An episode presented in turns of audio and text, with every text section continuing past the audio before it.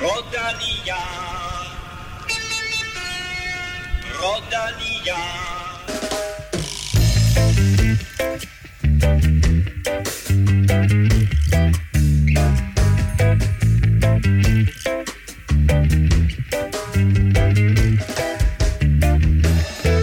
Velkommen til denne Europa Podcast Special, hvor vi skal lege sportsdirektør i Tour de France og kigge på favoritter og skjulte outsider i årets tur, så vi kan hjælpe dig med at sætte det mest slagkraftige mandskab i turspillet på holdet.dk.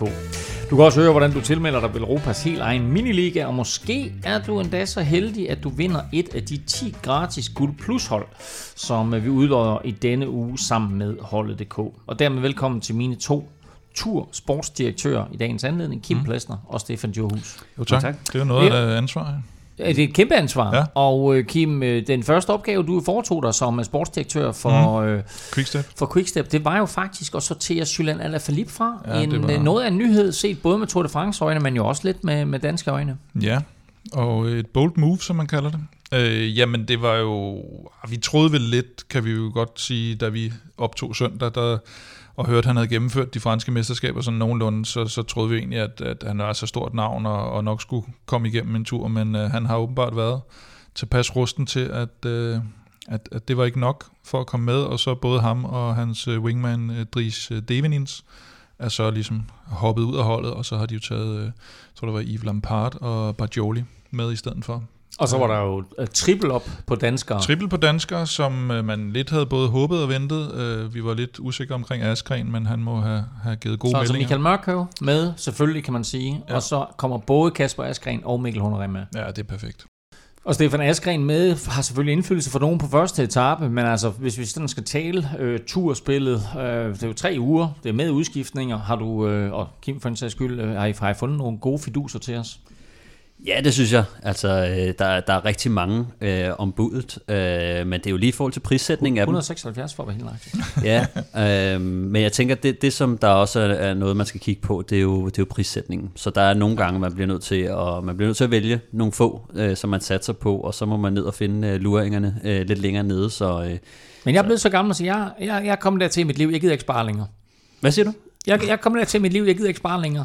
Du er blevet øh, ham ejendomsmaleren uh, Jeppe K. Der med, jeg håbede, det havde været dyrt.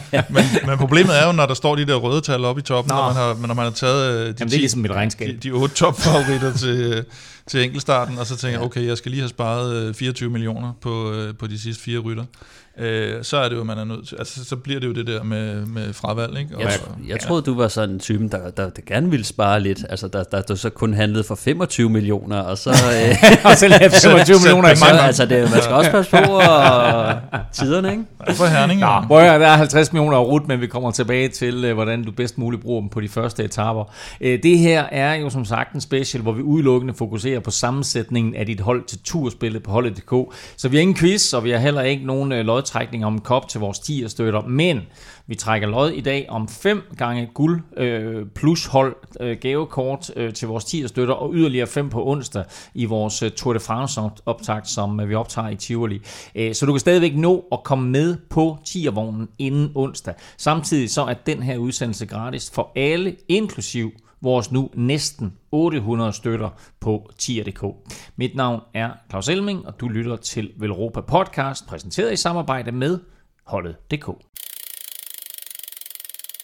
Inden vi begynder at grave os ned i, hvilke rytter I to har fidus til, så skal vi lige have et øh, ultrakort overblik over, hvordan ruten ser ud i øh, årets ture. Uh, Kim, jeg ved ikke, jeg har hørt noget med, at den starter i Danmark i år, er det rigtigt? Det tror jeg bare er løse rygter. Okay. Men uh, hvis det er det, så uh, er det faktisk de første tre etaper, har jeg hørt. Ja. Og uh, den starter med en uh, enkeltstart i København, og så har vi den her, som vi vil kan kalde Storebælts håbefulde sidevindsetappe, øh, på anden etape fra Roskilde til Nyborg, og så har vi Vejle Sønderborg, som er den, den sidste etape ned igennem øh, Sønderjylland, og øh, som jo er nok forventet at blive den mest sådan rene sprinteretappe.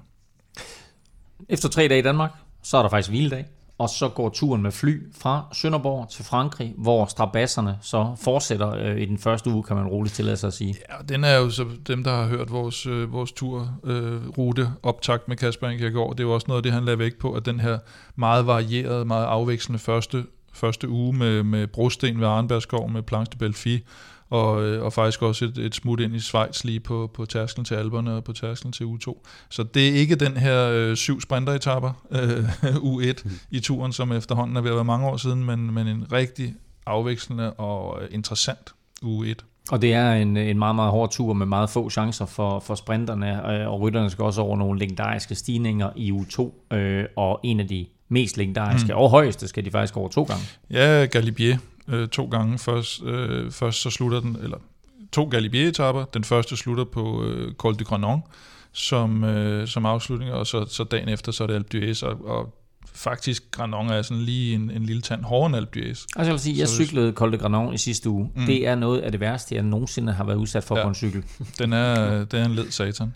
Og det var, altså, nu vil jeg sige, altså den et, et af den vanvittige stejl i lang tid, altså den 9,8 procent i over 11 km i snit, mm. ikke? Og så øh, var det varmt. Det var meget, meget varmt. Og øh, det vil jeg sige, altså hvis det, hvis det er samme varme der, så er der helt sikkert nogen, som, som får det hårdt. Mm. Ja. Og det er de to sådan, øh, mest markante etaper i, i Alperne og i U2. Og U2 slutter i øvrigt i øh, Carcassonne, hvor vi mm. jo som danskere husker tilbage på, at der vandt Magnus Kort ja. sin, øh, sin tur-etappe. Den, den hed til eneste. Må ikke han tager en to-tre stykker i år? Øh, Carcassonne er... Flot by. Både, af, den er, det er både, øh, det er både målbyer, og så mm. også startby i u 3, hvor vi øh, så skal til pionererne. Så er det pionererne, man kører den her, hvad bliver det, med uret i år, og øh, pionererne til sidst. Og der er det de her to etapper til Peragyt og øh, Otakam, der er de hårdeste. Og så har vi jo selvfølgelig den her i moderne tider relativt lang enkeltstart på 40 km på næst sidste etape, inden vi skal ind og køre, køre parade i Paris. Og det er jo ærgerligt for Mathias Norsgaard, at han ikke er udtaget endnu. Øh, vi skal, han plejer at vinde 40 km enkeltstarter. Ja, det er rigtigt, men øh, vi må se, om han, øh, om han øh, får et øh, wildcard, havde han sagt. Der er det, altså, det er ikke umuligt, at han kommer ikke med, umuligt. Øh, men altså, lige nu der er han ikke blandt Movistars øh, otte udvalgte. Øh, du nævnte det lige kort, Kim, at øh, du og Kasper Nkagor jo lavede den her øh, gennemgang mm. øh, af turruten. Og mest, sige, mest Kasper, vil jeg sige. ja, mest Kasper. Du stillede spørgsmål, og han, ja. Han svarede, og, og øh, som vi altid er vanvittigt imponeret over, så var det uden noter. Den ligger i, i dit podcast feed også, så vil du høre øh, den her gennemgang af samtlige etaper, og dermed få et mere øh, udførligt indblik i alle etaperne, så øh, lyt til vores øh, store turrute gennemgang, øh, enten i sin helhed, eller simpelthen bare øh, før hver etape, lige øh, lyt til de der par minutter, hvor Kasper han gennemgår øh, alle stigninger og udfordringer i det hele taget, og favoritter for den sags skyld.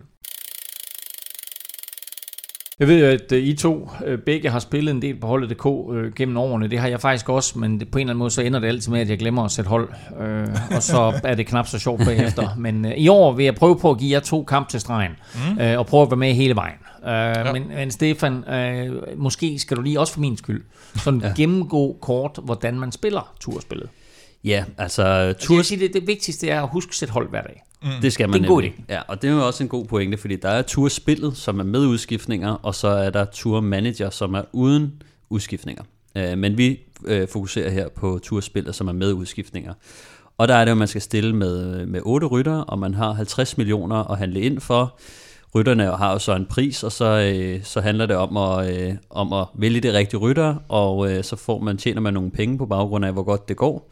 Og så, øh, ja, så tjener man jo lidt penge i løbet af, af Tour de France, som man så kan handle for handle bedre rytter ind undervejs, som man, som man også tjener penge. Øh, og så øh, når man skifter ud, så er der også et transfergebyr på, øh, på 1%. Øhm, så man skal ikke bare skifte ud for at skifte ud, men øh, man skal prøve at sætte det bedste hold til, til hver etape. Og nu nævner du det her med, at man kan tjene penge. Hvordan man, bliver man øh, belønnet øh, for de ryttere, der er på holdet? Ja, men først og fremmest så handler det om at, øh, at ramme top 15, kan man sige. Altså helst øh, vinderen og, og, og 2, 3, 4, ikke? der hvor der er mange øh, point, eller mange penge på højkant. Øh, man får 200.000 for at, for at vinde en etape, Øh, 150 for at blive nummer to, og så går det sådan lidt derned af til, til nummer 15, øh, hvor man får 15.000. Øhm, så, så det er ikke så mange. Men, men udover det, så, så vil man jo rigtig gerne, udover at man gerne vil ramme vinderen og, og de, de øh, pladser, som giver mange penge, så er der også en øh, etappebonus, øh, alt efter hvor mange ryttere man har inde i top 15. Så hvis man har 8 ryttere inde i top 15, så øh, giver det 400.000 oven i hatten, hvilket er ret meget. Øh, det er så også relativt svært at få alle 8 i, øh, i top 15, men øh, kan man få 6 eller 7, øh, så, så er der også en, øh, en god bonus øh, til det. Ellers så er der også øh, gode point for at have øh, top 10 i klassementet. Øh, der får man øh, for at have øh, ham, der ligger nummer 1, så får man 100.000, og så er det 90.000, og så er der ned efter øh, til, til nummer 10. Øhm, og så er det jo også rigtig vigtigt at øh, vælge den rigtige kaptajn, fordi at øh, på hver etape, der har man mulighed for at vælge en, som giver dobbelt, og det er jo så kaptajnen. Øh, det, det kan være ret afgørende i forhold til for eksempel København. Øh, hvis alle, der, har, der er der mange, der har sådan, tror jeg, nogenlunde det samme hold. Øh, og har man så satset på Ghana som alle mm. andre, eller har man taget øh, Wout van Aert, øh, det, det kan godt gøre en stor forskel øh, lige at, at vælge rigtigt øh, på dem. Øhm, derudover så øh, er der også point for, øh, hvad hedder de her bjerg- og, og spurtpoint undervejs på etaperne.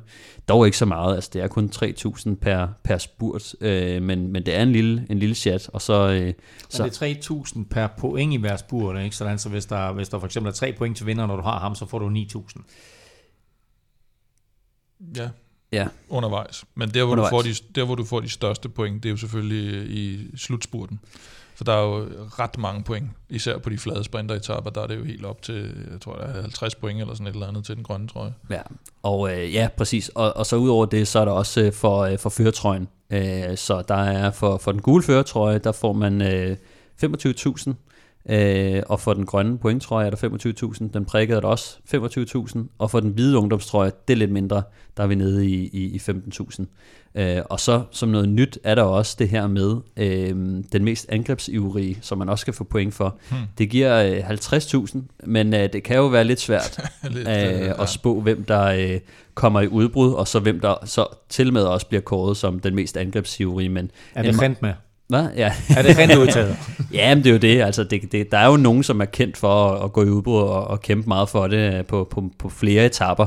Så en lille belønning til dem, der, der, der satser lidt efter, efter de her angrebsive rytter, eller, eller man kan sige, nogle af de der franskmænd, ikke? De, de har det med at, at angribe lidt ekstra. Det er nok mere på de der netop, øh, hvor, hvor et udbrud får lov at køre med, med, med de små franske hold, og så, øh, så, så er der altid en af dem, der lige skal angribe, når de er 15 sekunder for at blive hentet, og så ved ja. man, så får han det der røde nummer, ikke? og der kan man jo godt satse på nogen, men, øh, men øh, det rent er ikke med, nej, for han blev skadet i den der øh, klampeulykke på en eller anden måde, hvor han øh, øh, får en eller anden øh, forstrækning, eller hvad var det, en muskelsprængning eller sådan noget. Øh, jeg tror, det var i Schweiz måske i virkeligheden. Ja. Så øh, nej, han er, ikke, øh, han er ikke med, men ham vil du have Nå, sat ja, på til det. På, er, Men det er ikke den samlede sted. Det er ikke ham, der bliver kåret i Paris. Eller, der er jo ikke, der er jo ikke sådan en samlet sted. Så det er simpelthen hver dag, og det er sådan lidt nål i høstak, ikke? At sige, okay, i morgen, der ja. skal jeg lige gætte, hvem der bliver mest angrebsiv rytter. Den ja. er... Men der er måske nogle af de der bjergetapper lidt senere, hvor man kan udvælge sig en eller anden franskmand.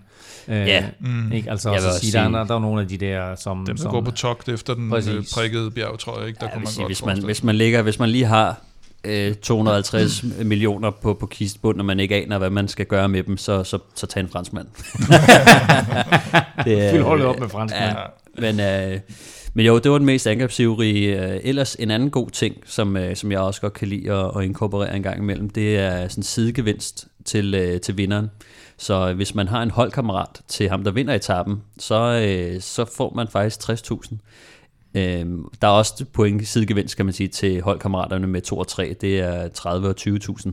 Øh, men det, det er også meget smart. Det er sådan noget, hvor man kan måske tage en lead-out-mand, øh, mm. eller bare en billig holdkammerat til Wout van Aert på en etape. Mm. Øh, så, så, så kan det være bedre at tage en, hvor, hvor hvis der er en klar stor favorit på en etape, og så have en holdkammerat øh, til det. Det, øh, det, det kan være meget smart. Og det gælder også sådan noget som på enkeltstart, hvor man for eksempel kan tage Gerners holdkammerat, eller bare fra Arts holdkammerat, ja, og så tjene lidt ekstra ja, på den måde. Hvis man ved, at man har ikke en, der, der kandiderer til top 15, øh, så, så kan det være sådan noget, hvor man tænker, så tager jeg en holdkammerat til Der skal til man ham, så passe på, måske på den sidste enkeltstart, som er 40 km, og ikke tage en, der så smider et eller andet, så ja, det er minus, minus 90.000. Det er klart. For, øh, ja. ja, der er, det, der er selvfølgelig undtagelser for alt det, ja. alt det, vi siger i den her udsendelse. Og så, jeg, jeg vælger så, jeg er jo jysk og så videre, jeg vælger at købe ind for 25 millioner, og så ja. sætte 25 millioner i banken. Hvad, hvad tjener jeg på det? Jamen, altså det er jo faktisk meget sjovt, fordi at øh, hvis man har penge på kontoen, så, så tjener man øh, en halv procent i bankrente. Så det vil sige, at der er ikke minusrenter der?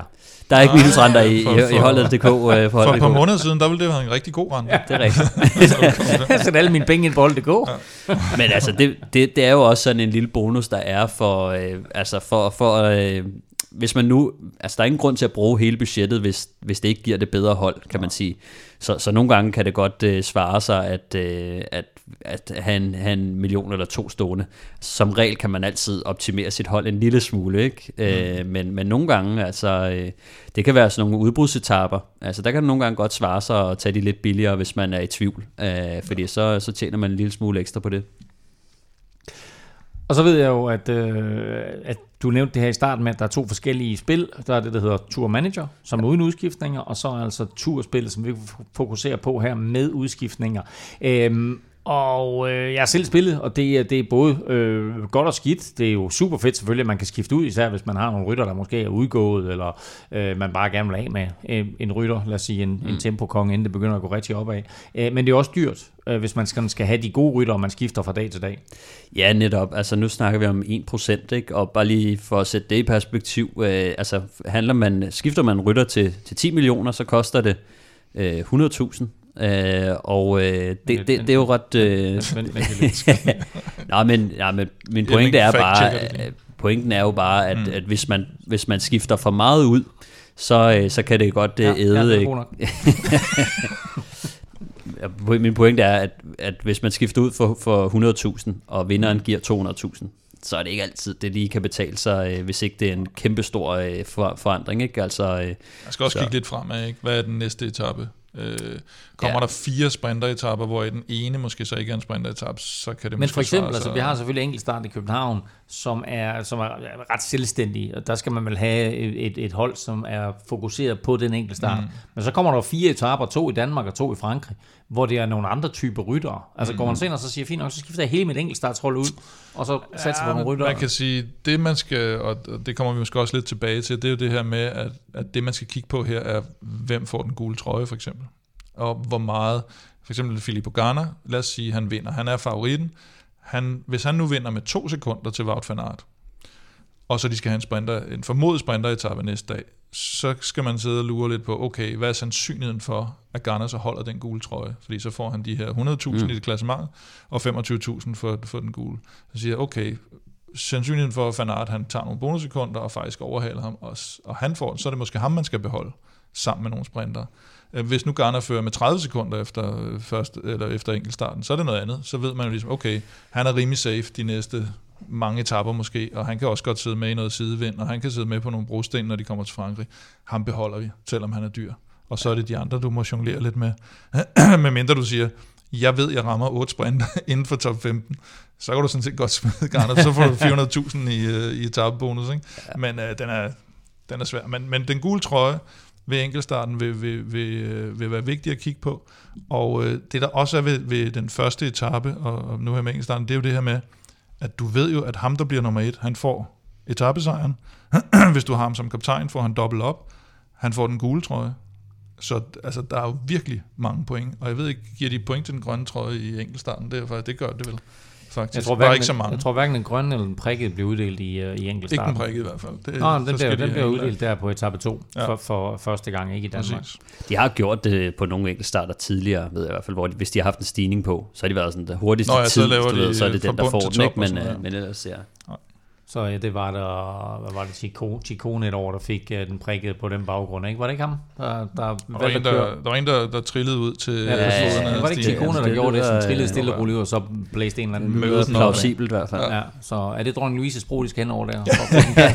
Så må de køre ud til Amager. Hey, prøv, at- du nævnte det lige kort, øh, Kim, det der med, at man kan få minus, øh, minus kroner på kontoen, hvis man for eksempel taber meget tid på den, af, på den sidste enkeltstart. Men det kan man selvfølgelig også, Stefan. Når man rammer bjergetapper, så er der jo faktisk øh, øh, risiko for, at hvis man har en rytter, der kommer ind meget sent, at så taber man penge på ham. Det, det er det nemlig. Altså værst er det jo, hvis man har en rytter, der udgår på en etape. Altså, det, Prøvede du det i Ginoen? Ja, jeg prøvet det et par gange, og det var også en af de grunde til, at, øh, at jeg lige pludselig blev, blev, blev nødt til at satse lidt, hvis jeg skulle tilbage i kampen. Ja. Uh, fordi det er jo sådan, uh, ja, bare, bare for at sige det lige ud, at hvis man kommer skidt fra start, så har man mindre penge at handle rytter for, end nogle af dem, der er kommet godt fra start. Mm. Så hvis man skal hente folk tilbage, så skal man altså til at finde på nogle, øh, nogle luringer undervejs. Så skal man have rydde rygnummer. Ja, så skal Ja, det er sådan noget. Uh, nej, men, uh, men, men det giver altså... Uh, det giver 150.000 i minus, hvis en rytter udgår på etappen, og 100.000 i minus, hvis det er en DNS, altså han ikke starter på dagen. Og det er sådan noget, du, du kan ikke rigtig uh, forudse sådan noget. Altså, Man kan lade være at tage Geraint Thomas og Vilko Kelterman, nu er han ikke med her, men ja, det er rigtigt. de der typer, ikke? Og Dem, der har dem, en, en dårlig historik. Måske endda Roglic, ikke? Hvis, man, uh, hvis Ja. man vil være på den. Nå, men altså, hvor er det år, hvor Nibali han vinder, der udgår både Contador og Chris Froome, Ja, ja, ja, ja, den på samme man etape i øvrigt, ikke? Altså, Jo, den er hård. Den har været dyr. Ja, ja. altså der, der, der, er- det, det, det er lidt svært at forudse, men som Kim Ja. siger, nogle af de der ulykkesfugle, som, er, som, vi, som vi har set mm. dem før, dem kan man måske passe lidt på. Men, øh, men ellers så, øh, så taber man point på, øh, på etaperne, hvis, øh, hvad hedder det, når de taber flere minutter, og det er øh, 3.000 øh, per minut, man taber til vinderen. Øh, dog højst 90.000. Øh, men altså, det er også ret meget, specielt på en bjergetap, hvis man nu har folk, øh, der sidder i gruppetoen. Altså, hvis man nu har et par stykker af dem, ikke, så 90.000, 90.000, så, øh, så, så bliver den dyr. Så nogle gange, så kan det godt betale sig at have nogle af dem, som, øh, som kører klassement over mm. dem, som går efter udbrud. Nogle gange i hvert fald, fordi at, øh, dem, der går efter udbrud, de kan jo være sådan, enten så går den, eller også så går den ikke. Øh, så ja, der, der skal man lige tænke sig lidt om.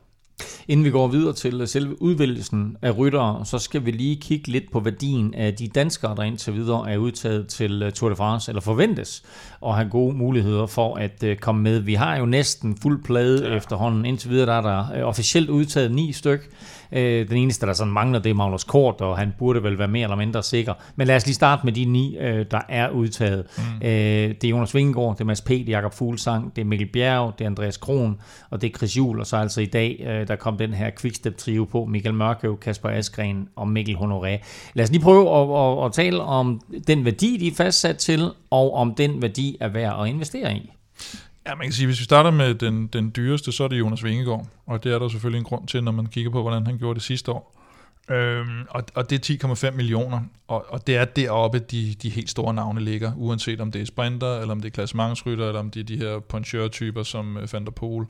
Øh, de ligger øh, i, i det niveau. Og man kan sige, hvis Jonas Vingegaard kører op til det, han, øh, han øh, gjorde sidste år, så, så er han selvfølgelig det værd. Måske ikke lige i starten af turen, men i hvert fald, når man, når man kommer længere hen. Vi så ham køre en, en øh, god enkeltstart. Ja. Øh, og og så så vi ham i Dauphiné køre knap så god en enkeltstart, men dog trods alt en Ja, ja. top 10 placering. Øh, er han værd at satse på der i starten? Enkeltstarten skal han nok gøre det godt i, men, men for 10,5 millioner, der, der er det selvfølgelig mere safe at køre noget Ghana og noget Wout van Aert. Det, det er helt sikkert. Altså, der, der er for mange øh, så, i, i den dyre kategori, der, der må formodes at komme, øh, for, være bedre end ham. Så man, kan, man har ikke rigtig råd til at tage ham der. På sprinteretapperne giver det ikke rigtig nogen mening at tage ham, og så kan man sige, øh, brostensetappen nede i Frankrig giver det nok heller ikke nogen mening, så man skal, man skal nok ned til alberne, før at man skal, man skal hive ham Til gengæld så vinder Wout van Aert et par etaper, og hvad ved jeg, der er andre, og så stiger han lige pludselig værdi, så inden man får fat i ham, så, Ja, han så får han så han selvfølgelig på noget 10 bonus, 10,9 eller 11 millioner. Ja, men så har du vundet på Van Aert jo, fordi du tog ham. Præcis. Ikke? Så, og Mads P. er nummer to med, med 9,5, og det kan man jo, ham kan man nok bedre bruge i starten. Det, det store spørgsmål med Mads P. bliver jo, skal man allerede tage ham på enkeltstarten, eller skal man tage ham på anden etape? Fordi jeg tror, på anden etape, der er man nok nødt til at gå ind, og, altså når han kører i sin egen baghave, og med risiko for sidevind, og han er hurtig i en spurt, så, så må man formode sig, at, øh, at han, han nok skal være der. Øh, og, og han skal nok være pengene værd. Og det er jo så selvfølgelig i starten af turen, han er, han er mere værd. Fuglsang øh, er næste. Hvis, nej, det passer ikke. Øh. Askren er faktisk næste. Og det er jo så den her. Normalt ville de fleste jo nok i hvert fald have, have, have overvejet Askren til, øh, til enkeltstarten i København. Nu er der det her lille men med hans, øh, hans skade for, for Schweiz, om, om, øh, om han så er det værd, fordi han er så lige pludselig op imod Stefan Bissek og Stefan Kyng, som er, er to specialister også, som han normalt ligger og kæmper med, og, og det vil sige, de to andre i god form, og Askren i måske en eller anden tvivlsom, så kan det jo godt være, at man skulle, skulle overveje, om, om han skal på der. Øh, Fuglsang 6,5. Der skal vi nok også lidt derned af. Øh, man kan sige, han kørte jo selvfølgelig godt på den her brostensetappe i turen i 14, men, øh, men jeg tror måske, vi skal hen til, hvor han begynder at gå efter, efter bjergetappesejre, og, og måske endda en bjergetrøje. Øh, og så må vi jo se, hvor, om han holder sig til i klassementet. Men han kan godt blive en spændende rytter for 6,5 millioner, vil han, jeg sige. Han har jo selv flyttet med, at uh, han, han gerne vil prøve at holde sig til i klassementet, på mm. grund af, at uh, dem, der, dem, der ikke var kommet til start, og med hele coronasituationen, mm. altså at, at det kunne måske være dumt at, at smide klassementet bevidst, altså også at fuldstændig give slip. Og point øh, til hans hold, som ligger og kæmper nedrykning ja, i øjeblikket, ja, ja. ikke? Så øh, hvad har vi ellers? Så med, med Israel og, og den måde, det sådan, at de kører på, der er der en vis chance for, at han falder i værdi der på de første mange etapper. ja.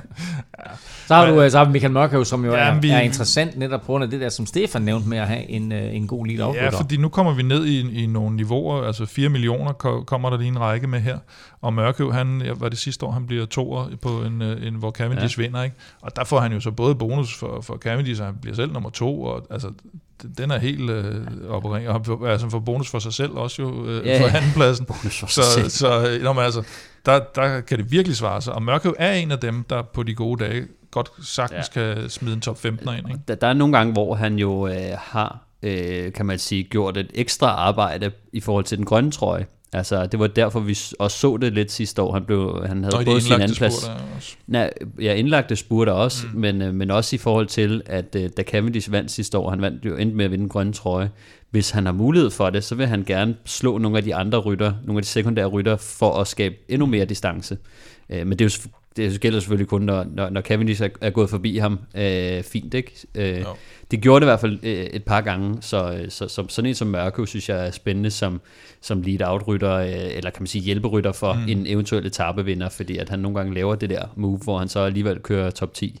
Ja, det er rent, han er rent faktisk sat lidt billigt, vil jeg sige. Honoré kan godt gå hen og blive interessant, fordi de netop ikke har, har Alaphilippe med, og han er faktisk en af de, af, af de sådan en, en puncheur-type, og der er mange af de her afslutninger, som vi også har talt om i, i vores øh, ruteoptakt. Øh, utrolig mange afslutninger, sådan lidt opad, men ikke, de, altså ikke måske decideret bjerget altid, men, men de her lidt puncheur holdbare, og der, der har han jo vist mange gange, både i, var det Giroen på en tidlig etape, hvor det kun er Ulisi og Sagan, mm. der slår ham, og i nej, det var faktisk ikke ham. Det var Kron, jeg kom til at tænke på, der slog Ulisi i, øh, i Luxembourg, eller hvor det var Ja. Men, men, men bare den i Giroen, hvor han ligger med der, hvor man tænker, okay, nu er det der, vi er mm. i forhold til det. Og chancen for at gøre noget på egen hånd er jo ekstremt meget højere i forhold til Alaphilippe ikke er med, for han har kørt meget for Alaphilippe. Det synes jeg er spændende at se, øh, hvordan Quickstep takler det, øh, når de ikke har øh, den der klare favorit ja. i, i Alaphilippe, som de har, har, lidt utraditionelt har de faktisk bakket Alaphilippe rigtig meget op, sådan, så, hvor de ikke har kørt deres sædvanlige Quickstep-show, men mere prøvet at positionere ham. ja. Så det åbner Bjerg, Mikkel Bjerg giver også, eller koster også fire. Og, øh, og der vil jeg sige, det er nok mere eller mindre kun enkeltstarten i København, fordi så skal han, ja måske også den sidste enkeltstart, det gjorde han jo godt på sidste år, mm. men han har en decideret bunden opgave på det hold, og han skal være frontsvin, som man vil kalde det, på øh, de flade. Så hvis det går, som UAE gerne vil have det, så kommer han til at lægge et stort stykke arbejde sammen med øh, Vegard Starke Laringen for Norge, og øh, og det er det, han skal køre, og der får han altså ikke mange point. Det er jeg ked af at sige. Det, det, det er næsten umuligt for ham at, at score point i, i resten, men, men han er sådan en, man godt kunne overveje til, til enkeltstarten i København. Og må ikke også, han er svært motiveret for at lave et, et godt resultat der. Øh, Kron, øh, 4 millioner også. Han har jo lige det her corona, vi ikke rigtig ved, hvordan han kommer ind i turen på. Men ellers er han jo lidt en type, eller, eller Mikkel Honoré Øhm, de har også Tim Vellens og, nogen, øh, og så har de jo altså øh, Caleb Ewan, de også skal køre for, så jeg ved ikke helt, hvor meget chance han får, men øh, hvis, hvis formen kommer på i løbet af turen, så, så, så kan han godt... Jeg tror, jeg vil tage Honoré før Kron til, til samme penge i hvert fald. Chris Juhl? Mm. Han plejer at have meget låst rolle. Øh, men, men i år har de, ja, de har nogle sprinter med, Matthews, Rovnevæggen, men derudover Meskits. har de jo, ja, men derudover har de jo ikke, altså der er ikke ligesom en Yates, han skal køre for, så jeg Nej. kunne forestille mig, at han får lov at gå med i noget mere udbrud end... Uh... Men Ronevingen er vel blandt favoritterne på både etape 2 og 3? Det er rigtigt, så, så som bonus kan man sige, uh, for 3 millioner, der er han en af dem, man kan vælge at sige, jamen altså, jeg skal bare have den billigste. Man må ikke formode, at han tager tid for Vejle til Sønderborg, for eksempel. Og så har han jo et, øh, et godt køb, hvis ikke man tror, man kan ramme de sprinter, eller har råd til de sprinter, der, der slutter i, i top 15. Og som sagt, øh, Magnus Kort er ikke officielt bekræftet, men øh, skal køre turen, medmindre der sker noget helt øh, usædvanligt. Øh, det store spørgsmål, det er vel, om, om man skal satse på ham øh, fra start, altså mm. både ham i enkeltstarten, og så i etape 2 og 3, eller man skal tage ham på et senere tidspunkt. Ja, yeah. jeg vil sige... Hmm. Hvad koster han? Han koster 7, 7 millioner. Det er igen, så er du oppe i det her Askren, Bissiger, Kyng det er måske lige til den hårde side, og så plus, at han ikke er blevet så glad for massespurterne, ikke? Øh, hvis det er et større felt, der kommer hjem. Det undgår han trods alt på enkeltstart.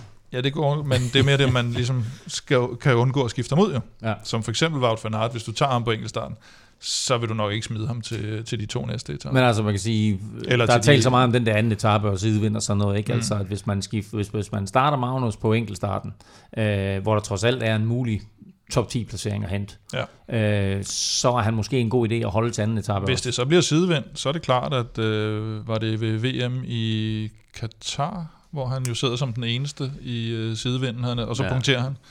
han er den eneste dansker, der, der klarer kottet i sidevinden. Og altså, så... jeg, jeg, det er ikke for at... at, at, at jeg, altså, nu er det bare, hvad jeg vil gøre personligt, vil jeg nok vente med øh, efter første uge, altså efter vi har været Arnberg og alt det der, og vi begynder også at se frem til nogle mellemetapper. Ja. Øh, nu kører han jo godt nok, han bliver toer til, øh, til DM i enkeltstart, øh, og vi har set ham køre, køre gode enkeltstarter, men jeg, jeg tror ikke, han kommer til at, at køre top 10, fordi det er, nu er det verdenseliten, og som Kim også har sagt, altså det er Garner, Kyng, Bisækker, det er virkelig, altså alle Mark er med. Art, Kasper og, Øskren, øh, P. og han, hans bedste øh, enkeltstart er jo nærmest kørt i, i slutningen af, af en Grand Tour. Ikke? Han kan bedre lide, når de andre øh, er blevet lidt trætte. Og, øh, og han vil gerne, han, han har selv sagt, at han gerne vil have en lang enkeltstart, og han vil gerne have det, når de andre er blevet lidt trætte. Mm. Øh, det, jeg havde troet, at han ville kunne lide de korte enkeltstarter, med, fordi han er sådan ret powerful, men øh, han har selv sagt, at det, det er de længere, han, han, han, han kan lide. Øh, og så, så sidevindsetappe, der skal man også lige kigge på, hvor god er du til at positionere dig selv? I, øh, det, det plejer han desværre ikke at være øh, super, super god til. Nej, i forhold til, til de andre... Til, til øh, skubberi og sådan noget. Der er, der er skubberi, ja. og det kommer der til at være. Øh, og, mm. og i sidevind, der skulle du enten kunne være øh, et dumt svin, der virkelig bare øh, trækker den ind foran de andre, og det gør han ikke. Eller også så skulle du have et virkelig stærkt hold, og det har han heller ikke. Altså i forhold til, til sådan noget, øh, til sådan noget sidevindsræs. Så, så jeg, jeg vil faktisk øh, jeg vil faktisk vente med ham, øh, mm. men, men, men jeg tror på, fordi han har altså han har han har jo han kørte godt i, i starten af året, så havde han øh, så havde han alle de her problemer og, og så, så startede han i i, i Giroen, så hvor han så kørte sig i form undervejs, ikke? Øh, og mm. det er jo mm. også en ting man skal tænke på. Altså, nu tror jeg ikke, han... Normalt, du ved, når man har kørt en Giroen op til turen, så vil der være noget træthed, men fordi han havde en pause inden Giroen, så, så tror jeg, han har lidt... Øh, men altså, det, det, det tror jeg også kommer til at betyde noget, at, øh, at han lige har kørt en, en Grand Tour, og, og, og derfor så tror jeg igen, han skal måske køre sig en lille smule varm i, i turen. Jeg har en idé om, at han gør det rigtig, rigtig godt på den enkeltstart på fredag. Øh, hvis vi ser på DM enkeltstarten. Så, Klaus Kup. Ja, men det kunne sagtens være Claus Kup. Altså, jeg tror, Magnus han kommer i top 10 på, på, ja. på, på fredag. Ja. Men altså lad os nu se. Men altså han, han førte ikke starten øh, til DM efter øh, 7,5 km. Eller undskyld, han var nummer 2 efter 7,5 km. Et sekund efter Mads. Og han førte starten efter 20 km. Så ja. Øh, han kan godt blæse en, en Og det er Danmark. Altså, ja, ja. Så, og det er Danmark, og der er tilskuere og ja. så videre. Og man bliver båret frem. Ikke? Det er X-faktoren. Det er jo, det er jo på hjemmebane. Altså, så, ja, fordi, altså, eller, eller regnvejr der bliver lovet nu. Det, det kan også blive en uh, game changer, ja, efter om du starter Men det er kun 6 mm. Ja, okay. Så det er jo ikke Nå, noget på 30, øh, Som sagt, altså, øh, turen begynder med de her tre øh, etaper i Danmark. Tre vidt forskellige etaper, som det umiddelbart ser ud. Altså en enkelt start i København, så den her flotte etape øh, over Storebælt til Nyborg, hvor alle nærmest fra Prins Christian til Christian Prudhomme håber på sidevind. Og så altså en formodet sprinteretape fra Vejle til Sønderborg, hvor man jo ligesom starter med bakkerne i Vejle, inden man bevæger sig sydpå til, øh, til Sønderborg. Øh, hvis vi kigger isoleret set på de her tre mm. danske etaper, som jo alle tre ligger inden en, en ekstra hviledag, der er sat ind, hvem skal man så have med? Altså det, man skal have med, kan man sige på enkeltstarten, det er jo, det er jo formentlig Ghana og, øh, og Wout van Aert. Det er sådan de to store favoritter. De koster så 9,5 eller 11 millioner, så der har du også fået brugt en, en god chat af dit... Øh, altså, du er allerede over de 25... Nej, det er du ikke. Det var mig, der ikke kunne regne der. Men du er tæt på de 25 millioner, som du har i budget. Ja, i hvert fald 20,5. Så du har øh, under 5 millioner til de sidste 6 rytter, ikke? Så det, det bliver... Hvis du Nej, det passer ikke. Skulle, skulle det passer fem, ikke. Jo, hvis du kun skal bruge 25, så har du. Åh oh, ja, okay. Ja, Fint nok og resten skal i banken. Ikke? Men øh, ja, de er dyre, og det er det, der gør, at man er nødt til at tage nogle fravalg her. Fordi jeg kan sagtens finde øh, en hel masse rytter til 7 millioner, jeg også gerne vil have med. Bissiger, Køgen, Garen Thomas, Kasper Askren, og jeg kunne blive ved Mm. kort. Åh, oh, der er også med. Garen Thomas sammen med ham. Ja, Ja, lige så, så der er en hel masse der, og det vil sige, at du er nødt til at tage nogle fravalg, men, øh, men Garner og Fanart, de skal nok med, i hvert fald. Og så på etape 2 vil jeg jo nok, øh, med mindre der sker et eller andet meget mærkeligt. Har du nogle andre, du lige vil nævne til ting i starten? Ja, altså øh, nu Kim han nævner dem, som, er, som man ikke kan undgå. Altså hvis man skal kigge lidt længere ned og, og finde nogle af dem, øh, som ikke koster 7 millioner. Mm. Øh, der er en øh, Mattia Catania til, øh, til 5,5 millioner, som jeg synes øh, har set virkelig, virkelig stærk ud. Han blev øh, nummer to til, på de, eller, til de italienske mesterskaber, efter øh, Ghana selvfølgelig, men han kørte hurtigere end øh, Eduardo Affini og Matteo Sobrero, som, øh, som vi også ved at, at, at Ja, køre ret stærkt, øh, og, og generelt set så, øh, så har han imponeret mig på, på de enkeltstarter, han har kørt på det seneste. Han blev også fire i øh, enkeltstarten i Dauphiné. Så, øh, så sådan en mand som ham, synes jeg bestemt, at øh, der er noget værdi i til, til 5,5 millioner, som, som også er en pris at betale, men, øh, men det, det, en top 10, øh, det, det, det tror jeg bestemt, der er. Så er der den øh, nykårede øh, tyske mester i, øh, i enkeltstart, Lennart Kemna, som også koster 5,5 millioner.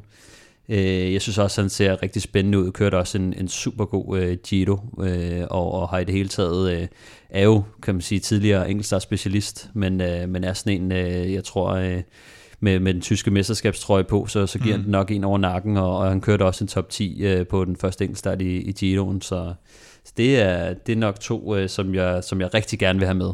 Og så har jeg bare et, altså sådan, jeg har ikke haft Roglic med øh, overhovedet, fordi han er så dyr, og fordi han er klassementsmand, og de Han efterfølgende 11 etaper ikke ligger godt til ham.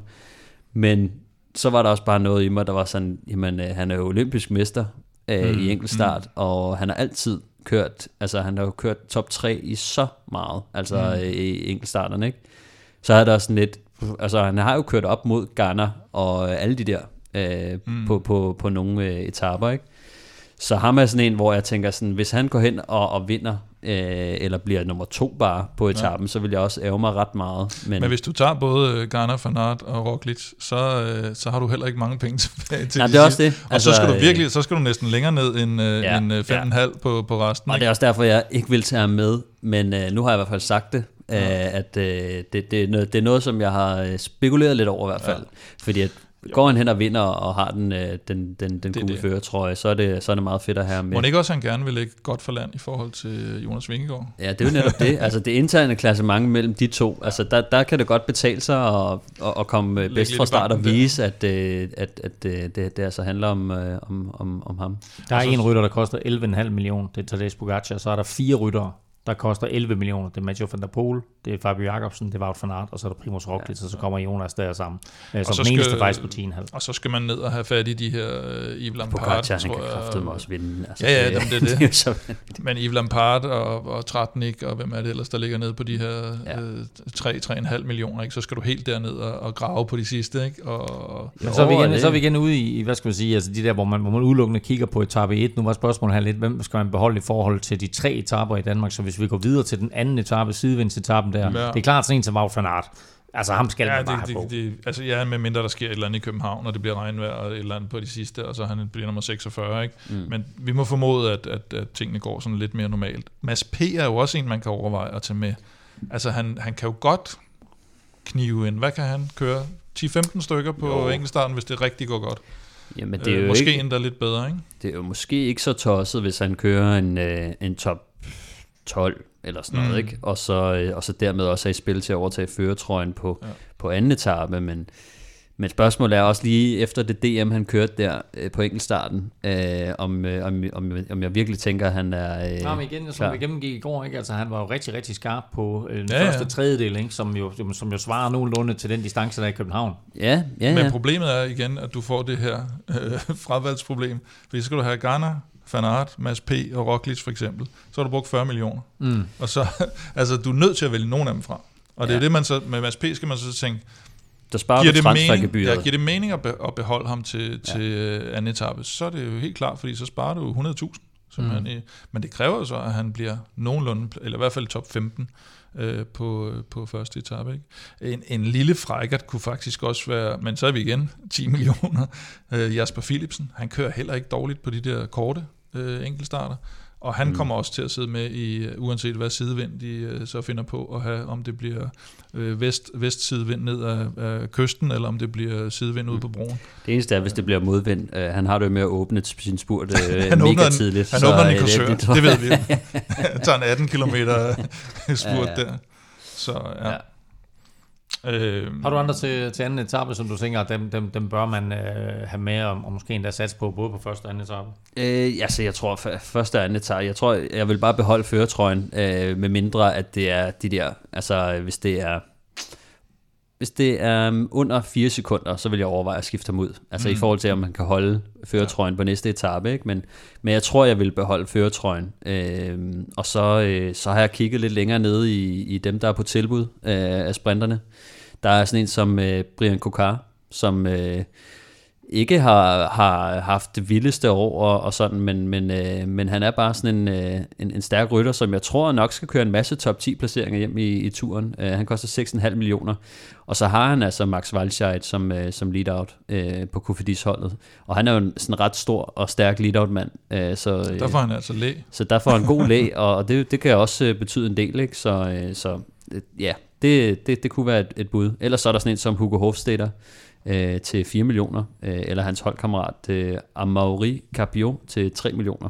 Det er, det er også to hurtige herrer, som, øh, som har vundet en del cykelløb på den lidt lavere scene, og som jeg også tror kommer til at køre øh, en del øh, top 10 placeringer hjem øh, undervejs. Og så mig og Kim har siddet og snakket om, øh, om den her øh, rytter for B&B Hotels, ja. Luca Mosato, øh, som kostede 3,5 millioner. Øh, ham synes jeg godt, man kunne give et bud. Øh, hvis man har 3,5 millioner på, på kistebunden, og ikke lige ved, hvad man skal bruge dem til, så, øh, så er han et sats værd. Han har, han har kørt en del øh, gode placeringer hjem i, i, kan man sige, sådan noget Troupe de der lidt, lidt lavere løb, mm. øh, Grote Price, øh, Marcel Klint, øh, og han har vist noget hurtighed og noget styrke. Øh, ja, det er i forhold til at finde en top 15 rytter, ikke? Det er i forhold til at finde en billig top 15 rytter. Øh, og når I siger top 15, mener I så i... Sprinter-etappe. Sprinter-etappe, yes. ja. Godt. Og det man skal, altså man kan sige, sidevindsetappen, der skal man måske lidt, altså anden etape skal man måske kigge lidt mere på Van Aert, Mads P., Philipsen typer.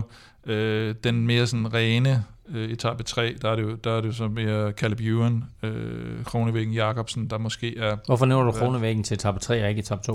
Ja, men det er også lidt noget pjat, fordi han kan, han kan sgu også godt sidde med, men jeg tænker bare, hvis man, skal, hvis man går over til etape 3, som må formodes at være den, den mest rene, så du kigger på, hvem er de tre hurtigste i verden nu? Mm. Der vil jeg sige, det er, hvis de er i topform, så er det Fabio Jacobsen, Dylan Kronevæggen og Caleb Ewan. Altså det er podiet, ja. hvis alt går efter planen. Øh, på de der, ja. Og der vil jeg sige, der, nu snakker jo Kim jo om sådan, hvem er favorit på selve etappen. Ja. Jeg tror, øh, set i, i holdet DK-brillerne, der vil jeg nok øh, fra, fra anden til tredje etape, vil jeg nok bare sige, behold det samme hold, ja. øh, medmindre der sker noget vildt. Øh, fordi at det er det der med transfergebyrerne, og så er det nogle gange, så synes jeg, vi har ofte med at bedømme folk på, øh, han er helt væk i år på en etap. Altså, øh, Fordi han lige blev lukket inden. Ja, noget, og det er vi jo selv gode til. Ikke? Altså, ja. at hvis, hvis nu Caleb Ewan bliver fanget i, i sidevinden, øh, og øh, et eller andet anden vinder, øh, Jasper Philipsen vinder, så siger man, at jeg smider Caleb Ewan, og så tager jeg øh, Jasper Philipsen på, og så ved man bare, dagen efter, så, så det gør så lige omvendt. Ikke? Altså, øh, så jeg vil nok bare prøve at bevare roen og, tro på det hold, jeg, jeg havde udvalgt i første omgang, fordi det er en, en ret lille sample size, og der er så meget, der kan gå galt, øh, specielt på en sidevindetappe, så, så jeg tror bare, jeg vil beholde øh, det samme hold, med mindre der sker et eller andet vanvittigt styrt eller et eller andet. Ikke? Normalt så trækker vi jo øh, lod om en Europa Cup blandt vores øh, 10 støtter, men øh, i denne her special, og også på onsdag, der trækker vi en række gratis guld plus hold fra holdet.dk. Vi trækker i alt 10 styk, 5 i dag, og så 5 igen på onsdag, så du kan nå at bruge koden og sætte dit hold inden fredag. Samtidig giver det dig også mulighed for at komme med på 10 vognen, hvis du ikke allerede støtter Europa Podcast, og dermed altså deltage i lodtrækningen, både om de her guldhold, men jo også om den superpakke, som vi har på onsdag, der består af en kop og et spil og øl og en bog, så øh, kæmpe, kæmpe pakke der på, øh, på onsdag. Men Stefan, øh, vi skal have fundet de første fem guld plus holdvindere. Det skal vi, og øh, den første hedder Balle Privat. Det ved jeg, jeg ved ikke, om jeg må overhovedet må sige det, men... Øh, jo, jo, det må du gerne. Om det er, nå, men, øh, men Balle? Det lyder... Balle har vundet. Øh, Dan Knudsen har også vundet. Øh, J, øh, JB Lindgaard, tror jeg det er. Øh, Eller J. Blindgaard. Det, det var også det, jeg sad og tænkte, men, øh, men ja. Øh, så er der Simon Tvede, som er en ret ny øh, støtte, har kun været med i en måned, men øh, har, fedt. har været øh, heldig her. Og så er der Hanne Jak. Som nok er kort for Jacobsen, som jeg tror faktisk har vundet en præmie før, men det kan man jo Ja. sagtens her. Altså, Det nu vinder godt. man lige et uh, gavekort her, og så kan det være, at man Ja, har vundet en, uh, en ting fra pulterkammeret for to år siden. Ja, og Hvis man er standhaftig, og hvis ikke man spiller med, så har, kender man nok et eller andet, så har man nok en, en, en søn eller en øh, bror er eller en fætter fætter eller et eller andet, ja. som øh, gerne vil spille med. Hvem overtog egentlig din lejlighed den, dengang, Kim? Der, altså, Med pulter? Ja, Ja, der- Nej, men nu er der kælderrum, ja. Nå, nu er der gælder Ja, ja. Nå, stærkt, stærkt. Nå, men prøv at for alle vores lodtræninger gør vi det på den måde, at for hver fem, du donerer, der får du et lod i puljen, så jo større beløb og flere lodder, og dermed større chance for at vinde. Du kan altså stadigvæk nå at hoppe med på 10'er-vognen. Inden på onsdag, du finder link både på velropa.dk og på 10'er.dk. Mange tak for støtten til alle, og tillykke til Hanne, Simon, Dan, Balle og JB. Vi talte lidt taktik, og også om, hvordan man skal sætte sit hold på de første tre etapper i Danmark, og dermed forhåbentlig jo få en øh, god start på holdet.dk. Men nu kunne jeg godt tænke mig at høre jer om, øh, hvordan I vurderer favoritterne, og, og måske også give nogle fif, fif til dem, der ikke ønsker at skifte så meget ud undervejs.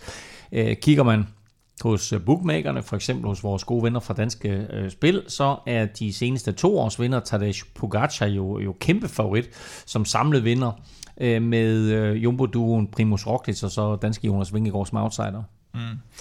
Ja, og alle tre har, har jo faktisk vist gode øh, takter på, på enkeltstarter, kan man sige. Øhm, jeg tror, det bliver meget... Jeg tror godt, det kan blive relativt tæt med, mellem dem, faktisk i København, og øh, måske en lille fordel til, til Pog- Pogacar og Roglic på den korte distance. Øhm, med mindre Jonas han får vinger, Badam. øh, på grund af den danske opbakning. Øh, så Man kan lide, hvordan du bare venter på et bifald. ja, Men med Jonas han får vinger. og nu kommer der også tordenvejr. Ja, Hvad den, øh, og den første uge har vi talt om, at den her lidt afvekslende, øh, synes jeg egentlig også måske ligger lidt til, til, til Roglic. Og, så alt andet lige, så burde han komme bedre fra start end, øh, end øh, Jonas Vingegaard. Men, men han har jo så også det her, vi har talt om, at han, han er lidt mere usikker på cyklen alt andet lige, og har, har både i turen og i sådan noget haft, haft det med at vælte øh, nogle steder. Så, så øh, hvis, hvis ting går efter planen, så, så, så tror jeg, han vil gøre meget for at, at lægge hårdt for land i forhold til at få den der kaptajnrolle måske lidt mere sikret i forhold til Jonas. Og så Pogacar, han kører bare, han kører bare derudad på alle etapper, tror jeg. Ja, Alt vildt. terræn, og ja. Ja. det skal bare bruges. Ja, jeg tror også, øh, det er svært at se, se udenom, øh, udenom de tre selvfølgelig, men, øh, men jeg tror også, øh, altså hele Ineos-holdet, øh, synes jeg faktisk er, er spændende og, og lidt glemt, altså i, øh, i Adam Mm. Yates, Jørgen Thomas og øh, Danny Martinez. Sjovt nok har øh, holdet.dk faktisk øh, prissat dem øh, på den her måde. Øh, Martinez 10 millioner, og de to andre 9 millioner. Så de har altså et større fidus til, til Danny Martinez, øh, men øh, jeg synes i hvert fald, der er sådan kan man sige, klassementsmæssigt øh, er det spændende at følge mm. Ineos-holdet, øh, og specielt øh, Adam Yates, som jo har været deres erklærede kap- kaptajn fra start af, har dog øh, haft corona i Schweiz rundt, så lidt ukendt øh, status mm. på ham. Men altså, øh, jeg synes, han er en, en spændende og, og kan man sige, en lille smule billigere øh, øh, kaptajn øh, end, end, end nogle af de andre. Og jeg synes, det er spændende, det der med Ineos. Og den der øh, lidt udefinerede outsider-rolle, ikke? Fordi nu er vi begyndt at tale... Altså, for, for tre år siden, der talte vi jo kun om Ineos, ikke? Nu, Ja, taler, vi jo, om, jo. nu taler vi om UAE og Jumbo. Ja. Ja. Og så kommer Ineos sådan, som sådan en, en Og, og øh, heldigvis for tredje dem, streng, ikke? heldigvis for dem er de jo netop outsider. Det er ikke dem, der må formodes at skulle øh, tage styring. Og det er jo godt, fordi øh, faktisk her inden vi gik i gang med optag, der kom det jo frem, at øh, Kwiatkowski ikke kommer med. Og han har jo været helt instrumental i forhold til, til altså været deres klart Mm. bedste hjælperytter, og har jo, altså i alle øh, slags terrænger, og nærmest kørt med i, i bjergene jo til, til, til langt hen. Så det er en vigtig, øh, Ja, ja, de, de lige mister der. Hvis de havde været det gamle Mm. Sky Ineos, men nu hvor de sådan måske mere kan ligge og lukrere på, at Jumbo Det er og også, det er UAE, også, det er også vildt, at Kwiatkowski ikke kommer med. Altså, vi har Ja. omtalt ham som den bedste hjælperytter overhovedet, ikke? Ja, altså, han er virkelig, Han er ikke dobbelt verdensmester. Og, virkelig god. Enkelt Ja, ja, ja, verdensmester, enkelt men, verdensmester, men, men men, altså- god, vanvittig god cykelrytter. Ja. er der andre, I har fidus til, øh, som, som man skal holde lidt øje med? Jeg vil sige, øh, jeg har øh, ikke bare lidt fidus, men jeg har faktisk øh, ret stor fidus til Alexander Vlasov, som, øh, som, som første udfordrer til podiet. Hvis man, hvis man siger, at de der tre øh, store favoritter ligesom er, er dem, man satser på til podiet, så tror jeg, at han er en af dem, der kan, der kan gå hen og, og, og gøre noget. der er det der usikkerhedsmoment. Han er også en af dem, der fik... han førte jo Schweiz rundt, og har kørt et fantastisk forår. Og øh, var det Romandiet, han vandt øh, med, med den der enkelte start til sidst. Mm. Øh, og øh, ham ser jeg virkelig som en, en udfordrer, hvis det er, at han ikke er blevet coronasyg, men, men kun coronasmittet vil jeg sige. Ikke? Og så, så, så er der jo øh, Roman Bardet, som øh, måtte udgå af Giroen, så egentlig okay ud der, og som øh, efter vores oplysninger jo nok måske kommer til at køre lidt mere klassement, end, end man tror.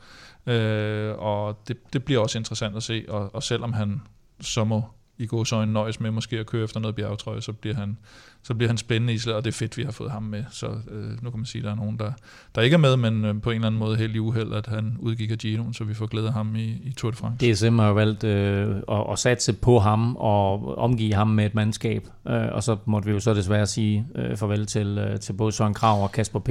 Ja, Ja, fordi det er jo, ja, de har jo godt nok taget Dainese med som sprinter, men, men det, der, det, der, altså. ja, lidt det men det der Case Bowl, som jo skulle være deres nye store uh, satsning der, det projekt, det, det er der i hvert fald ikke ret mange, der er motiv- motiveret for mere på. det altså nok nærmest ikke engang Case Bowl. Uh, så har vi jo, uh, nu vi snakket den prikke bjergtrøje, uh, er det klart, at uh, Pinot har også været nævnt til den. Selv Gody er der nogen, der nævner, selvom han jo må formodes køre mange, men mm. de fleste regner med, at det er han ikke holdbar nok til at, at køre. Og så har vi jo Fuglsang Woods duoen på, på Israel, som jeg faktisk ser som ret spændende i det der. Ikke, ikke måske podiekandidater i den samlede, men, men øh, helt klart top 10 kandidater begge to, og hvis de kan formå at, og, og, og, og, og køre sådan lidt øh, med hinanden, og, og, og bruge hinanden på den rigtige måde, så kan de godt blive interessant i mange sammenhænge, både i etaper, prikkebjerg, tror jeg, ja. klassement. Og det har de jo vist, at de, at de godt kan. Altså, ja, der er ikke i, noget, i år. Altså, der er ikke noget, problemet er så, øh, hvordan man bruger hinanden, når de ikke skal, når de ikke skal sidde og krølle David Gody som den eneste trussel på, på, på sidste stigning, ja, ja. men når, når truslen lige pludselig hedder Pogacar, så, så kan det godt være, at det, det ændrer gamet lidt, og de skal lidt tidligere ud. Men, men altså ellers, der er også, altså jeg ved ikke, om man kan kalde ham en outsider, Ben O'Connor, ja, som blev fire klar. sidste ja. år. Uh, er også, det, det, det kunne jeg slet ikke huske. Blev han fire sidste ja, det er vildt. Ben O'Connor? Ja. Wow. Og øh, han har været rigtig skarp i år faktisk øh, også. Mm. Altså blev øh, sekser i Katalonien samlet, femmer i Romandiet samlet, og i Dauphiné blev han treer samlet. Ikke? Så, så også en mand, øh, der, øh, der, der, der sådan bliver bedre og bedre. Altså øh, 26 år gammel. Altså, det, er jo, det er jo faktisk en mand med de præstationer, som han har lavet nu, øh, at man bliver nødt til at medregne som, som en af de helt store favoritter. Mm han har gjort det på en lidt neutral baggrund, og det, jeg tror, det er også lidt derfor, at, øh, at, at vi ikke sådan, øh, kan man sige, taler mere om ham. Øh, men, men bestemt en mand, øh, vi skal nævne. Koster kun 7,5 millioner. Ja, og, og altså, det er, det er en Achilles rytter ikke? Altså, jeg tror ikke, vi forventer, at de kommer til at tjene alt for mange point i de første par runder, så man kan godt vente øh, med at tage ham til, til de rammer bjergene. Ja, ja jeg, jeg vil bestemt øh, jeg vil prøve at se, om jeg ikke kunne få ham med på Belle 4 allerede, øh, fordi han, han har været så godt kørende i år, og lidt billigere end, øh, end mange af de andre topfavoritter. Og når vi taler forår, så vil, øh, hvad hedder det, øh, nu med Vlasov, jeg nævnte, så vil jeg også godt lige nævne hans øh, resultater her. i Han starter ned på løbsserien på Mallorca med at blive nummer tre i et af løbene. Så vinder han øh, Valenciana, så bliver han fire i UAE-tur, så udgår han af Paris-Nice, så bliver han toer i Grand Premio Miguel Indurain, så bliver han træer i Baskerlandet rundt, træer i Flesh Vallon, vinder Romandiet rundt, fører Schweiz rundt, inden han går ud. Det er et okay forår. Ja, det er det bestemt. uh, Kim har også snakket lidt om Bob Jungels, uh, men uh, det, det, den, den tvivler jeg imidlertid på. Altså, jeg ved ikke, om han nogensinde har, øh, eller i hvert fald i lang tid, har ikke kørt øh, klassement, men har, har om ikke andet vist, øh, vist form her, her på det Ej, sidste. Jeg synes, det er glædeligt, at han kommer tilbage. Ikke? Han kan måske være en outsider til noget top 15 på enkeltstarten, og så, så ved altså, Ben O'Connor selvfølgelig, men, men jeg tror da, at han skal, han skal sidde som hans løjtnant i, i bjergene. Ja, med, han har været ude lang tid med sygdom, og, og er endelig kommet tilbage til noget, der ligner hans gamle niveau, ja. hvor han jo skulle til at være klassemangs. Ja. En anden, som jeg synes uh, helt klart, vi skal nævne også, det er Jack Hague fra uh, Bahrain. Uh, mm. han, er, han er også en mand, uh, der han er stadig lidt, lidt, lidt dyr på, på holdet.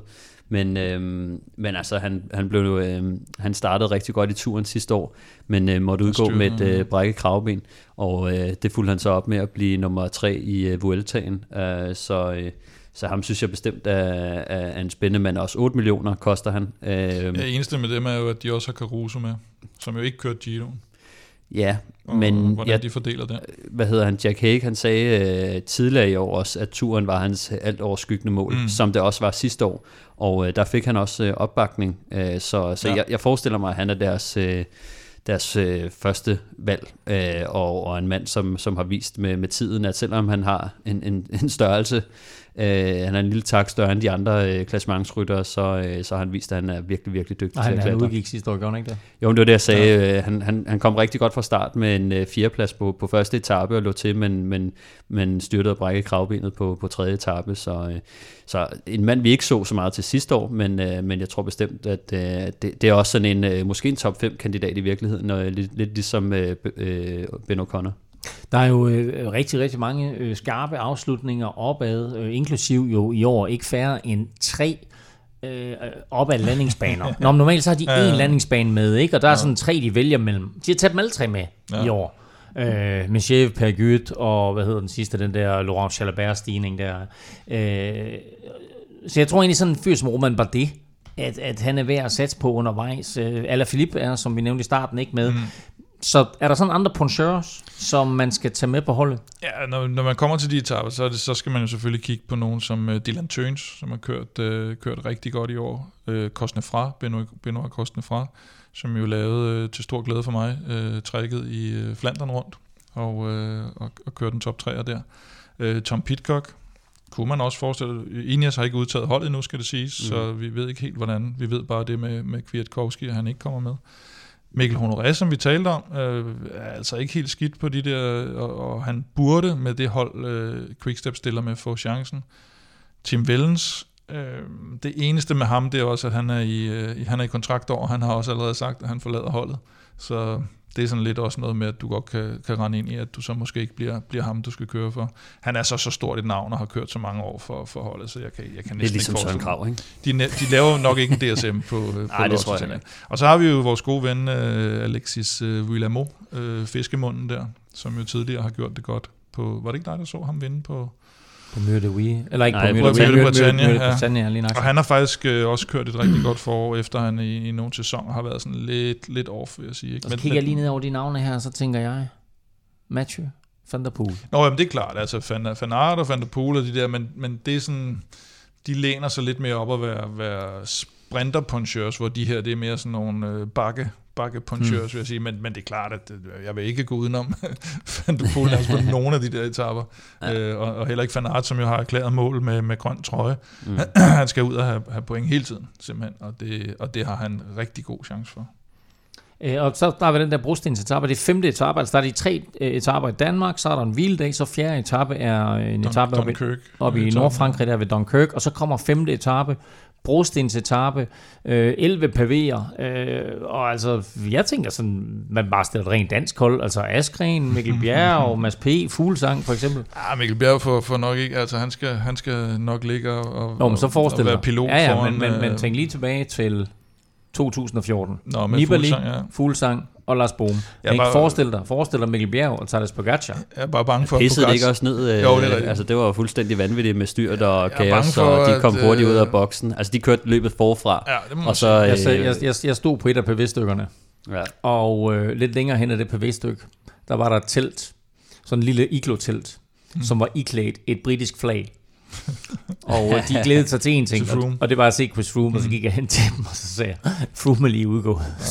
og det er pisset ned. Det, det var måske den værste dag i deres liv. Super dag, de Ja, har ja. fået sat. Ej, jeg vil sige, jeg, jeg vil nok være bange for, at, øh, at øh, Pogacar med det, han viste i Flandern rundt, faktisk kører fra Mikkel Bjerg på brosten. Øh, så, men altså Fuglsang, klart, øh, øh, viste det jo der, øh, og har også vist øh, ved senere lejligheder, at, øh, og fordi han selvfølgelig er den, den teknisk gode rytter, han er. Og så Askren og Mads P. Er jo, øh, har jo begge to øh, kørt øh, top 2 i, øh, ja. i Flandern rundt. Så, øh, så man ikke også, de, de giver den et skud der. Det, øh, det er jo ikke Paris-Roubaix. Det skal vi selvfølgelig huske på. Og det bliver kørt anderledes i Tour de France. Det er en anden årstid. Øh, brostenen er anderledes. Så, så, øh, så det bliver altid noget andet, fordi der, der, der er de her forskellige øh, øh hvad skal man sige, strategier og forskellige øh, agendaer. Nogen skal jo bare sidde og passe på deres øh, holdkaptajn, og han ikke bare simpelthen taber turen der. Andre som Pogacar vil sikkert prøve at udnytte det, som Fuglsang og Nibali gjorde dengang.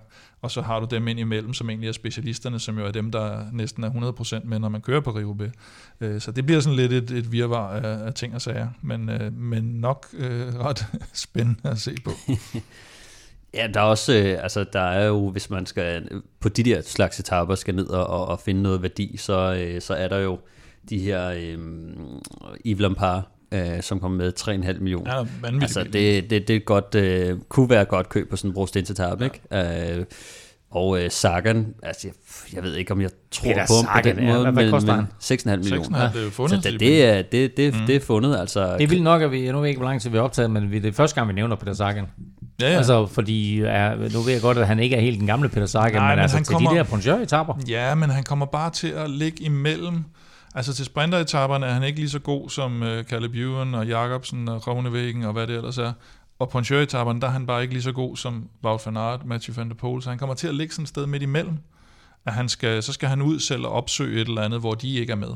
Og så mm. skal han vinde udefra. Øh, lidt ligesom Magnus Kort måske i virkeligheden. Han skal, han skal også ud på den der. Ikke? Og Kort er altså heller ikke, jeg vil ikke udelukke Kort helt på den der brostensetap, fordi det bliver ikke det samme som, øh, som noget Paris-Roubaix og noget, så, så måske bliver der lidt mindre. Ja øh, eller lidt mere plads til, til, at han kan køre den måde, han godt kunne tænke sig at køre. Ja, altså Christoph øh, til, til 7 millioner øh, vil, jeg, vil jeg også gerne øh, have med måske. Kyng har vi set gør det rigtig godt øh, på, øh, på de mm. der øh, hårde cykelløb med, med, med brosten også. 7 millioner for ham. Mohodic 6 millioner. Bettiol 5 millioner. Ja. Øh, så er der sådan en mand som Hugo Hofstetter, som jeg synes har, har gjort det virkelig, virkelig godt. Øh, hvad hedder det? Mm. Vundet mange, eller kørt godt i mange af de der, øh, kan man sige, lidt mindre end, end, end World Tour niveau. Øh, men, men der har han altså ligget og kørt topplaceringer i rigtig, rigtig mange cykelløb. Øh, så, så også en rigtig skarp mand i, i det terræn. Og så, jeg ved ikke, altså Tom Pitcock, Øh, spørgsmålet er, om han får lov øh, for sin klassementshold, øh, altså, eller klassementsryttere. De har jo tre klassementsrytter ja, på holdet, så der er nok nogen, at han skal passe lidt på, men ellers så synes ja. jeg også, at han vil være en spændende mand. Han er dog lidt, øh, lidt peberet, så jeg tror ikke, jeg, jeg tager ham med øh, 6,5 millioner, også med tanke på, at han nok har en mm. bundet rolle. Jo, og Geraint Thomas kommer jo fra, fra klassikerne, så han er, jo, han er jo vant til at køre Han har tidligere kørt det, men er jo også en af de der ulykkesfugle ja, lidt, som du det. også har, øh, har nævnt tidligere, så, så jeg vil nok også... Han er en af de få, der er blæst i grøften i Gent i hvert fald. Ja, ja, netop. Øh, ikonisk billede i øvrigt. Øh, altså masser af forskellige typer af etaper herinde, bare for de første fem etaper, øh, så begynder det at gå lidt opad og så videre, og man sidder lidt og tænker, hvor er de rene sprinteretapper? Vi har den der tredje etape i Danmark, men udover det, så er der ikke ret mange chancer mm. for, øh, for, for, for rytterne, altså for de her hurtige ryttere. Øh, så de slikker sig nok om munden, når der endelig kommer nogle chancer, Kim, men det er ikke alt for mange, der er i løbet af turen. Nej, altså, altså man kan sige, det er, jo, det, det er vel imellem 3 til 5, kan man sige, hvis alt efter hvordan, hvordan tingene udspiller sig, og det er jo det, vi har talt om. Øh, tusindvis af gange i den her podcast, at du kan designe øh, ruter og etapper, ligesom du vil, men hvis rytterne så bestemmer sig for at køre dem på en anden måde, så er det det, der afgør, hvordan det kommer til at, at ske. Og der er det jo så noget med, hvor mange sprinterhold, øh, lad os sige, den her etape til Sønderborg, der viser sig et eller andet, måske endda også den til Nyborg, der viser sig noget hierarki, og så er der lige pludselig nogle sprinter, der siger, okay, vi kan se, Fabio Jacobsen, vinder alligevel helt lortet, quickstep, over to you, så må I tage ansvar. Og så siger Quickstep, fuck, fuck jer, yeah. vi gider ikke tage alt ansvar. Og så kan du risikere at komme i sådan en situation, hvor du lige pludselig misser en sprinteretappe. Og det kan godt blive lidt kostbart for de hold, der har sat sig på det i turen. For der er simpelthen ikke så mange af dem, fordi der er alle de her opadafslutninger, og der er noget terræn, som er meget afvekslende og rigtig godt designet. Og, og specielt de der etapper, hvor man ikke rigtig ved, om det bliver en sprinteretappe. Vi så det meget i, øh, var det Dauphiné eller Schweiz rundt, det kan jeg faktisk ikke engang huske. Mm. Hvor de havde, der det var Schweiz der med de der fem første etapper, øh, som du også nævnte i vores optag, som simpelthen er designet så godt, at, du, at det mm. kan blive det ene. Altså holder udbruddet hjem, eller bliver det sprinter, og hvad for nogle sprinter kommer så med? Øh, og, og det der med, at du har alle de der scenarier på én etape, ja. det er virkelig fedt at se. Og derfor så tror jeg, det bliver sådan nogle øh, Van Aert, Van der Poel, Matthews, Sagan kan du godt sige, en, en Sagan øh, måske mere som tidligere, øh, der kommer til at, at, at få mere fokus end, end de sådan rene sprinter. Og så er der dem, der kører med dobbelt, ikke? altså Van der Poel, Philipsen. Det er jo, altså, hvordan får de fordelt det?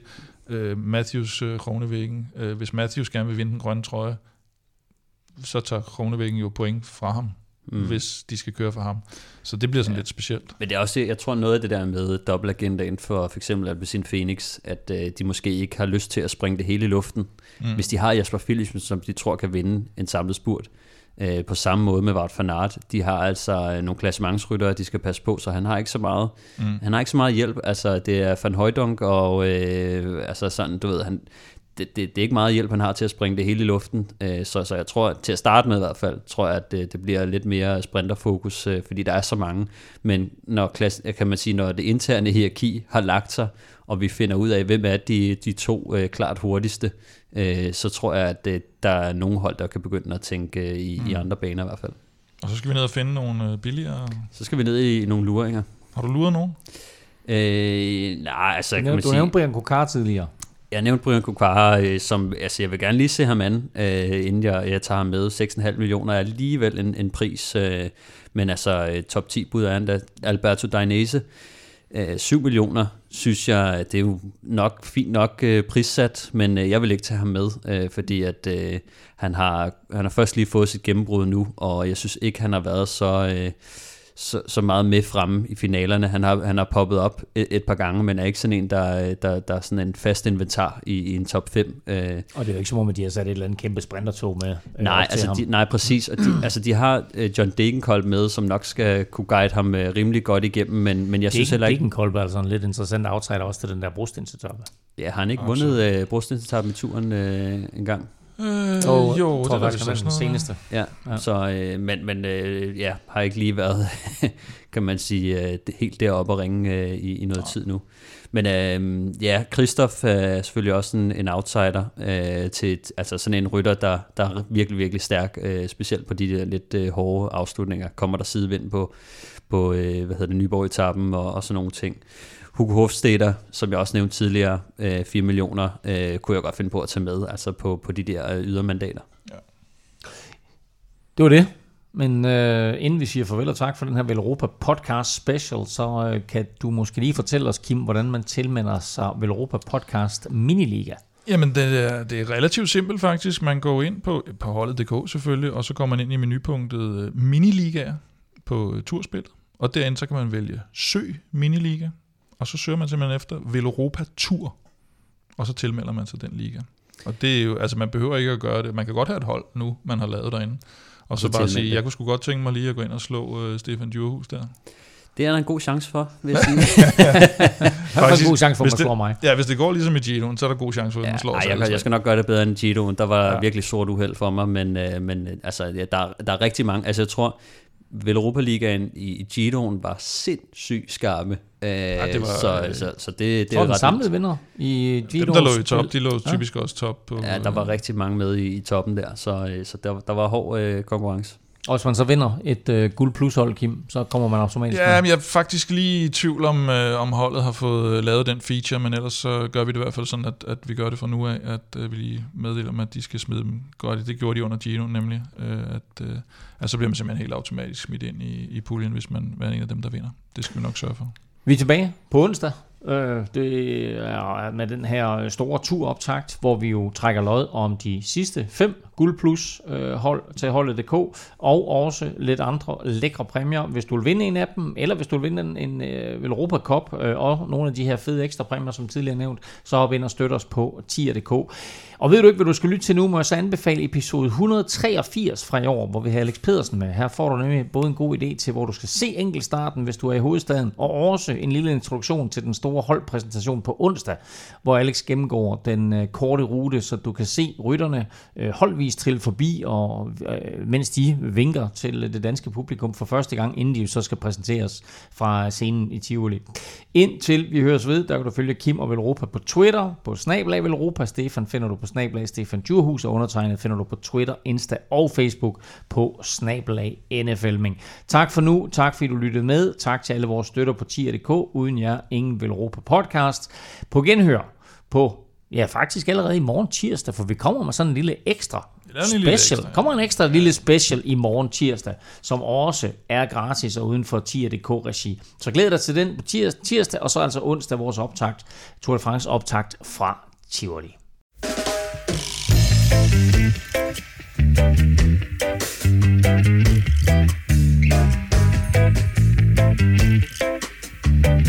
you.